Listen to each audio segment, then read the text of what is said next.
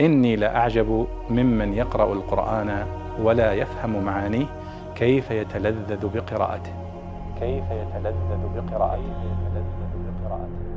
يقول الله سبحانه وتعالى ممتنا على خلقه يقول وهو الذي أنزل من السماء ماء فأخرجنا به نبات كل شيء فأخرجنا منه خضرا نخرج منه حبا متراكبا.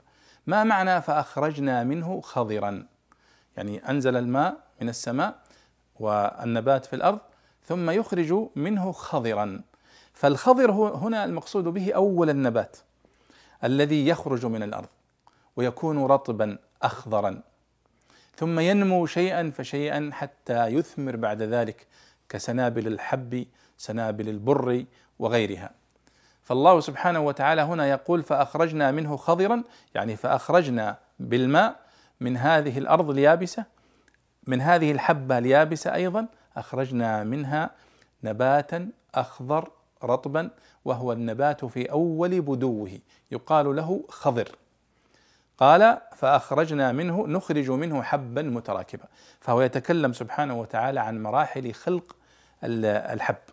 فالخضر إذن هو أول النبات الذي يكون أخضر ويكون رطبا. هذا هو الخضر. والله أعلم.